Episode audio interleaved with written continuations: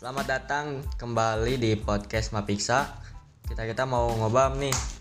Dan tamu kita kali ini Kang Ugi di mana Kang Ugi mau sharing perjalanannya di Gunung Subang yang tembus ke Bukit Unggul atau biasa kita sebut itu Sanggara. Oke, jadi sebelum ke ceritanya, silahkan perkenalan dulu Kang. Eh, perkenalkan saya Ugi dari Mapiksa untuk di Mapiksa saya dari angkatan ke-6 dan masuk Mapiksa dari tahun 2019 Siap siap. Jadi kamu gini angkatan ke-6 ya yang ada di Mapiksa. Untuk sekedar info Mapiksa sekarang udah angkatan ke-7 gitu dan itu adalah angkatan bungsu di Mapiksa. Jadi gimana tuh bisa tiba-tiba ke Subang, Kang? nah gini eh, kan waktu itu mau ngadain bukan ngadain tahapan keanggotaan terakhir yaitu pengembaraan Hmm. Nah rencananya mau ke Tasik, Jadi ke Tasik dulu gitu sebelum ke Subang teh. ya tapi lihat-lihat gunung-gunung di Tasik rata-rata eh, sudah dijadiin tempat wisata. Hmm. Nah terus nyari info lagi Hmm. ke Garut. Pas di Garut eh, sama di Garut juga yang mau diambil tuh Cikuray, tapi bukan tempat wisatanya. Jadi si jalurnya si jalur yang belum kebuka. Nah, pencarian data awal ke yang pernah ngebuka jalur pendaki jalur pendakian ke puncak Cikuray. Jadi memutuh membutuhkan waktu lima hari itu pun belum sampai ke puncak, Itu teh buka jalan dari bawah sampai ke atas. baru pertengahan. Pertengahan Itu belum teh ke udah lima hari. Hmm. Nah jadi kan dari dewan pengurus sendiri kami diberi waktu satu minggu, jadi kurang lah waktunya.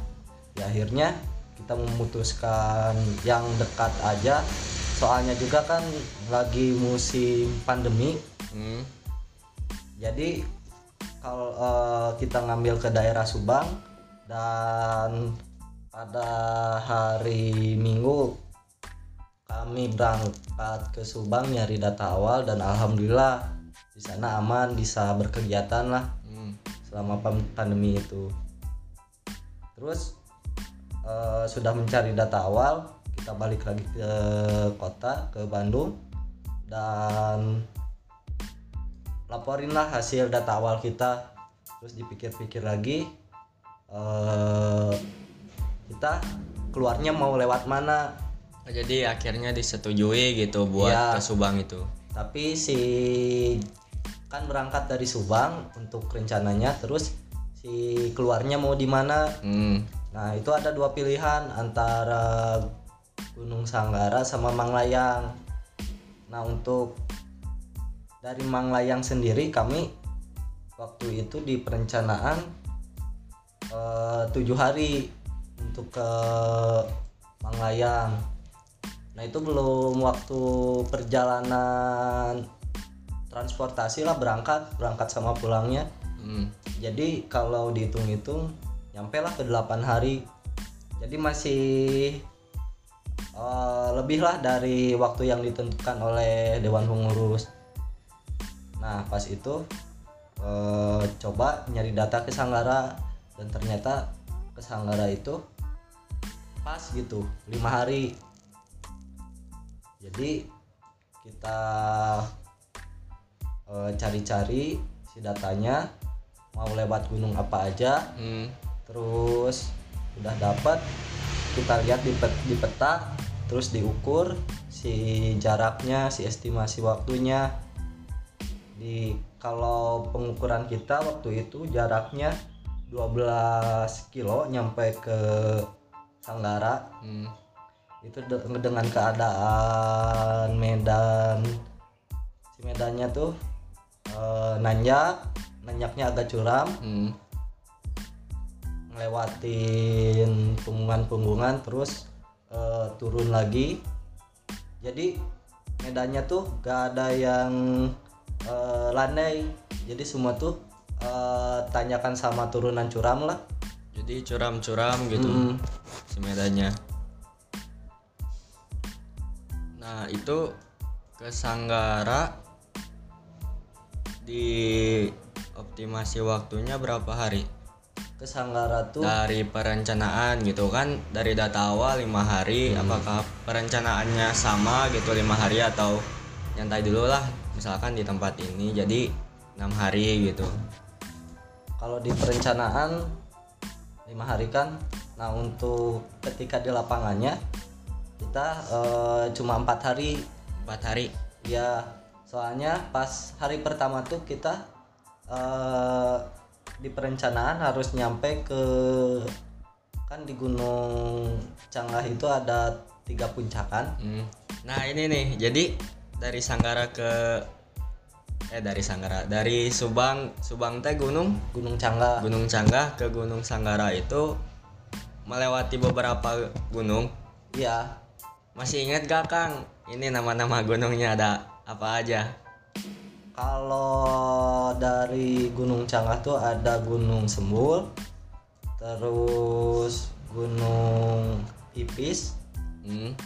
sama Sanggara jadi cuma ngelewat Canggah Gu- Gunung Sembul I- I Sanggara empat lah empat puncakan Cuma beberapa puncakannya yang Yang banyak belum- ya. iya yang belum ada namanya Nah kalau selama perjalanan nih apa aja gitu yang yang membuat Kang Ugi sama rekannya kagum lah gitu selama perjalanan.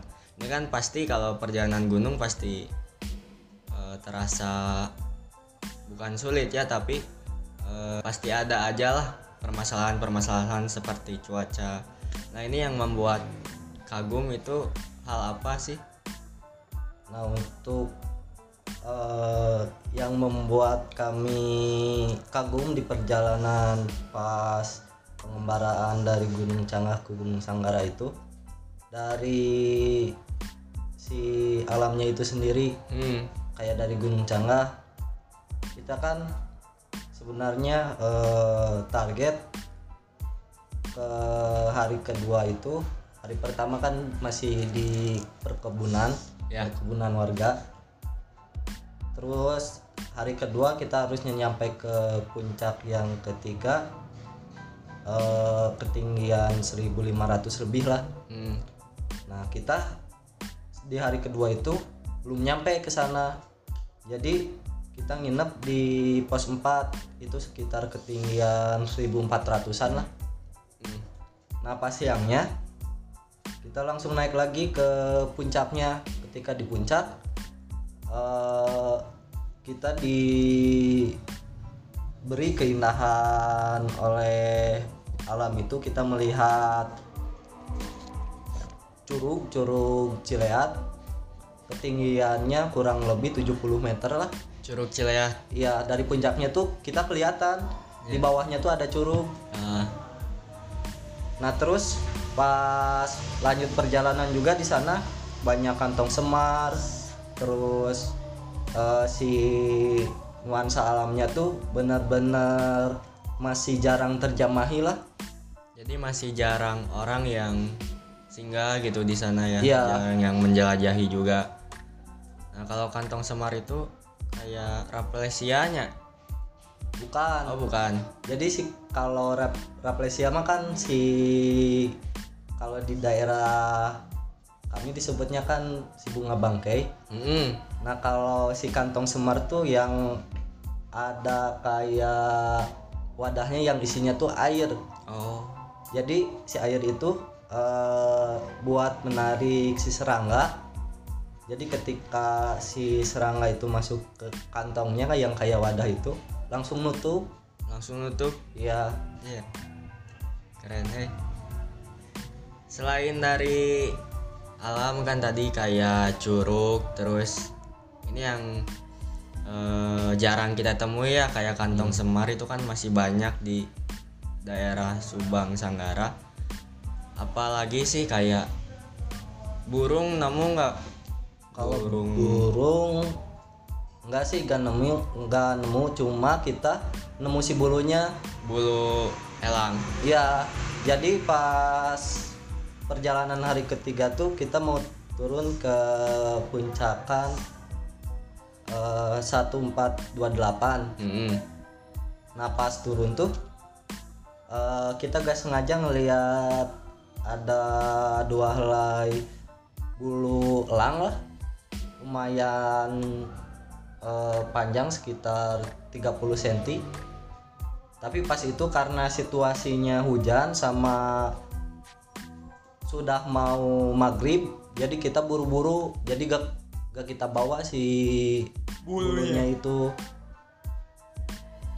Kalau untuk binatang-binatang eh, masih ada sih. Karena kalau di daerah sana kayak harimau kumbang, macan kumbang, terus babi ya kayak kata si petani-petani atau si pemburu yang suka ke hutan wilayah sana tuh suka nemu gitu Hmm. Tapi alhamdulillah gitu ya. iya gak, ditemu- gak ditemuin gitu pas eh, si perjalanan kami Nah, kalau data apa sih yang diambil gitu selama pengembaraan ini? untuk data kita ngambilnya tuh eh, dari navigasinya terus sama si tumbuhan yang identik lah. Si tumbuhannya yang bisa dimakan dan yang bisa dijadikan obat-obatan. Hmm. jadi pas di sana tuh kita nemu kayak ada kantong semar terus edelweiss juga ada cuma eh, udah tinggal beberapa tanaman lah. Jadi kan pas mau ke puncak gunung canggah itu ada lereng. Terus si jalannya juga cuma setapak. Nah si kebetulan si bunga edelweissnya itu ada di jalan setapak itu. Hmm. jadi sering keinjak-injak lah sama pendaki-pendaki eh, yang tidak tahu si tanaman itu. Terus ada juga kayak onje terus oh di gunung di gunung semul kebetulan saya nemu perkebunan. Perkebunan. iya tapi si si kebun itu jauh dari pemukiman warga. Ada combrang terus eh, tanaman cabai rawit jahe jadi kan di sana eh, di dekat perkebunan itu sekitar 200 meteran lah. Ada rawa. Nah di rawa itu tuh di pinggirnya ada kayak bekas bipak pemburu lah base camp. Jadi dia masang terpal eh, dua ke tiga meter lah si terpalnya itu. Mungkin buat mantau kebunnya ya. iya kayaknya Terus apalagi Kang yang didapat selama pengembaraan? kalau yang kami dapat eh, pengalaman sih karena eh, dalam jangka waktu itu kita eh, belum tahu ya si situasi gunungnya gimana terus si jalannya gimana terus si kondisi alamnya gimana terus si tumbuhan-tumbuhan yang ada di sana itu masih khas gitu Hmm. jadi eh, kayak begonia tanaman paku udah berumur di atas 10-20 tahunan lah soalnya pada besar-besar Tanaman pakunya teh. iya tapi ada juga kayaknya mah itu mah eh, si umurnya udah tua lah pokoknya hampir 5 meter si tanamannya si tingginya Berarti emang jarang pisannya Mm-mm. para pendaki gitu. Jadi yang biasa ke sana tuh rata-rata pemburu sama yang punya kebun gitu. Iya, paling yang punya kebun itu juga si pemburunya. oh jadi dia biasanya kalau pemburu daerah sana ketika ketika berpergian ke hutan dalam jangka waktu dua minggu hmm. 10 hari paling sedikit jadi eh, dia tuh udah menyiapkan lah si bumbu-bumbu eh, buat nanti masak hasil pemburuannya itu Hmm. Ini Kang berbicara tentang pemetaan ya. Hmm, Pasti ada meren pemetaan ada GH ya. iya Itu teh kayak gimana sih apa aja yang harus dibawa, kayak peralatannya apa aja sama tekniknya kayak gimana Kang? kalau Kita sharing-sharing aja nih buat para pendengar kita biar teredukasi juga lah Oh, iya, minimalnya mah. kalau di pemetaan kan kita ngambilnya eh, pemetaan digital Ah, jadi kita eh, pertama pakai peta peta topografi. Hmm. terus kompas romer protaktor penggaris pensil terus sama aplikasi Maprik jadi kita tuh pemetaannya ada dua eh, pemetaan digital sama manual. Kalau si manual itu kita eh, punya peta seukuran kertas A4 Hmm. tapi skalanya tuh sama eh, satu banding 25.000 jadi ketika di perjalanan kita harus menggambar si jalan yang kita lalui itu. Jadi yang di eh, kenapa kita bawa peta topografi sama kompas itu pas ketika kita di eh, lingkungan yang terbuka. Hmm. jadi kita eh, mencari si titik kita di peta. Jadi ketika kita dapat si sudut dari dua titik terus kita masukkan ke peta dan kita samain sama yang di kertas A4 UI itu. Nah untuk yang digitalnya kita pakai Maprik Gimana tuh pakai Maprik? Jadi kita cuma merekam si perjalanan kita, terus ketika kita istirahat atau membuat base camp, kita plot. Kalau udah dari sana eh, dilanjut ke pengolahannya. Nah di pengolahannya itu eh, kita masukin dulu si data matrixnya dikompresi dulu terus di ke eh, global mapperin terus dimasukin ke ArcGIS. Dan kalau udah dari sana kita tinggal eh, tentuin si skala peta yang akan kita buat itu. Hmm. kalau yang untuk pemetaan yang manual jadi kan si hasilnya tuh eh, peta topografi cuma di dalam peta fotografi itu kita ada jalur perjalanan kita yang dilalui.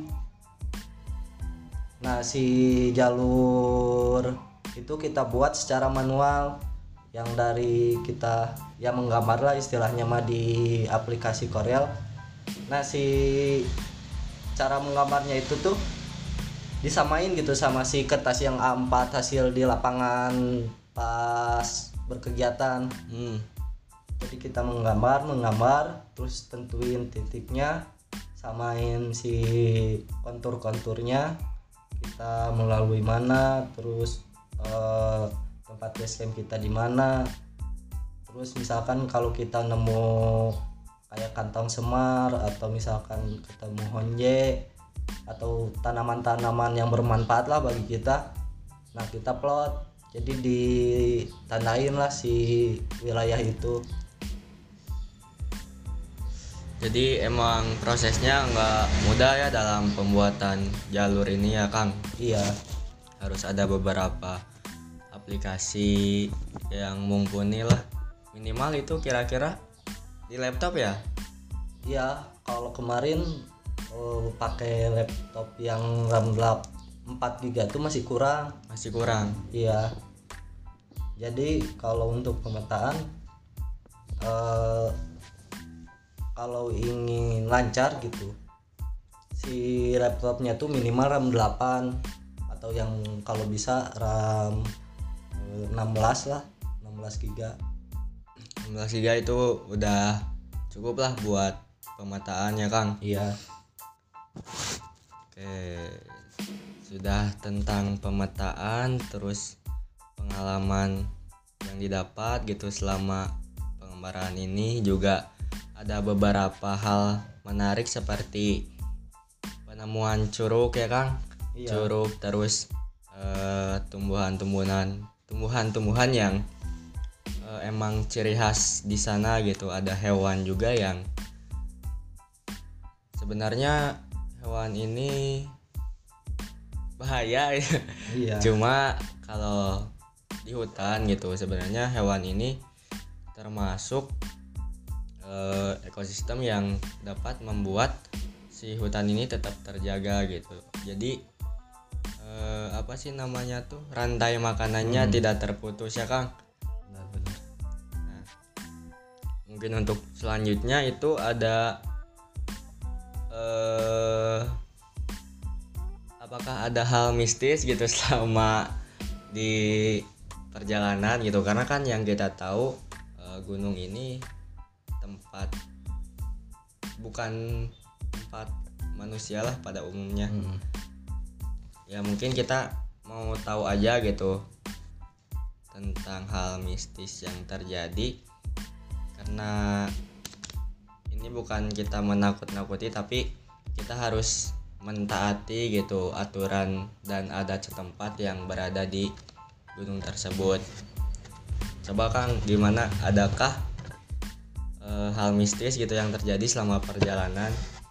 Untuk hal mistis sih eh, kita gak nemu. Cuma eh, kan kalau di Sanggara kata penduduk sekitar jangan berhitung nah ketika kita di puncak tuh eh, saya lah saya sendiri ketika pas nyampe puncak sudah mengeksplor wilayah puncak itu. Ketika mau pulang eh, kita tuh nanya ke rekan saya tadi kita lewatnya jalur yang sana ya? Bukan katanya. Lewatnya jalur sini. Terus- rekan rekannya teh siapa Kang si Kang lagi Kang Agis nah, Ya. terus ku saya di- dihitung si jalurnya itu. Ternyata pas saya hitung ada lima.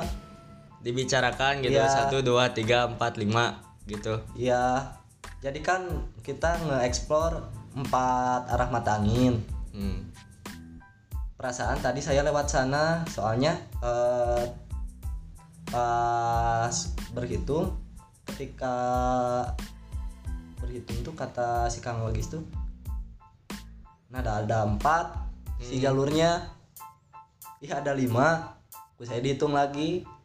Dan pas itu ternyata oh ingat. Baru Ternyata di- ingat Ha, gitu.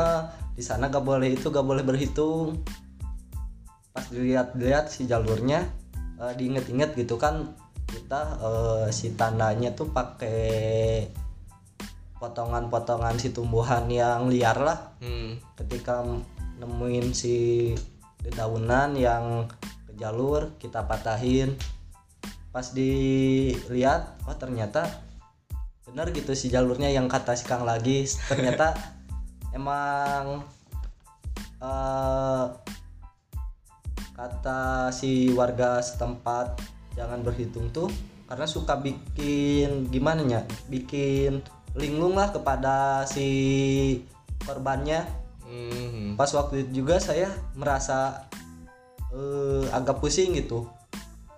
Kita pulangnya lewat mana terus si jalur tadi keluar kita lewat mana. Jadi kalau misalkan kita berkegiatan di alam bebas ataupun ya di hutan sebisa mungkin kita harus bisa mengikuti adat istiadat setempat lah.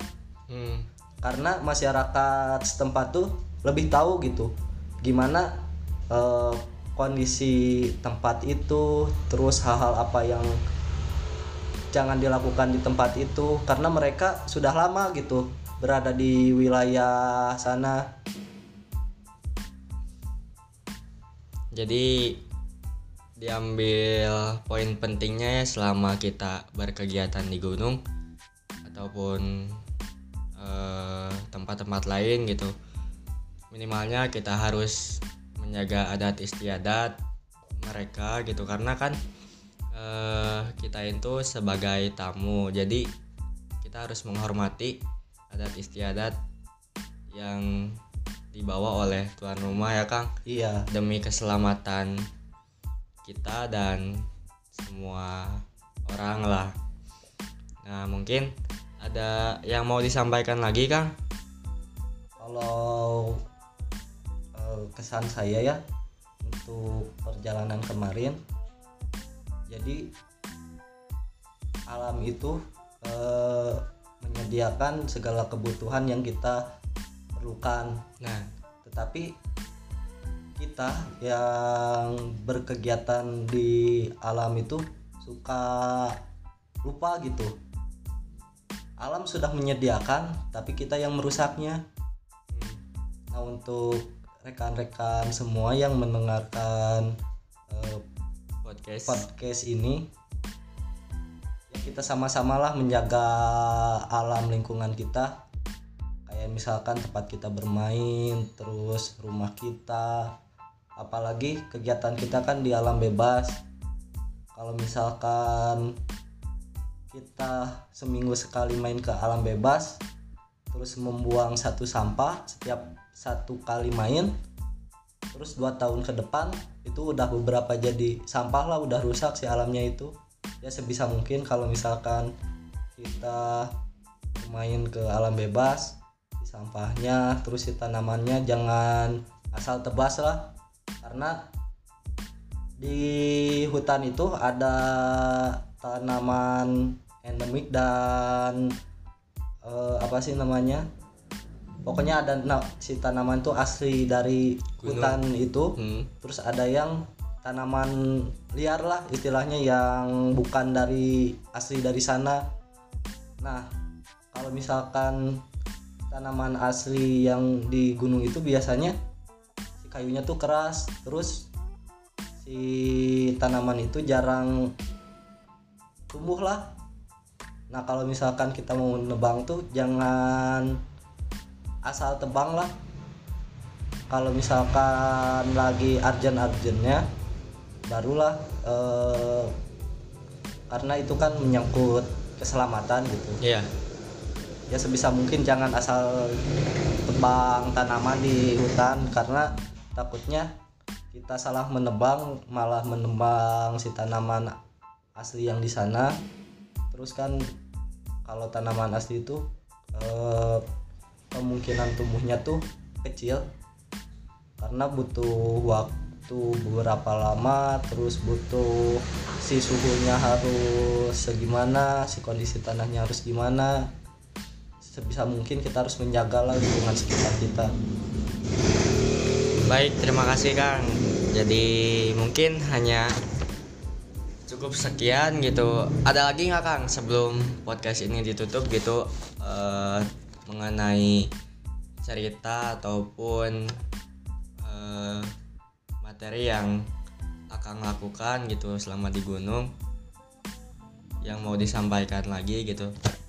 udah sih Udah iya ya mungkin cukup sekian gitu ya untuk podcast ini banyak poin-poin penting yang kita dapat gitu mulai dari kita menjaga lingkungan terus ada hal-hal yang menarik gitu jadi di gunung itu bukan berarti menyeramkan gitu ya tapi ada sisi baik Eh, ada juga Cewek kurang potong ya Mak.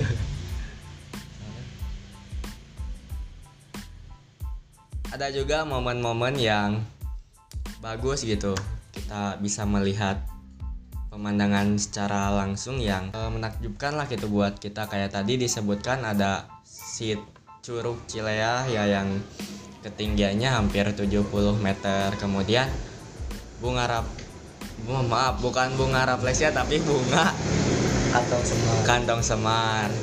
Dan masih banyak lagi eh, pengalaman-pengalaman yang akan didapatkan selama kita berkegiatan di alam.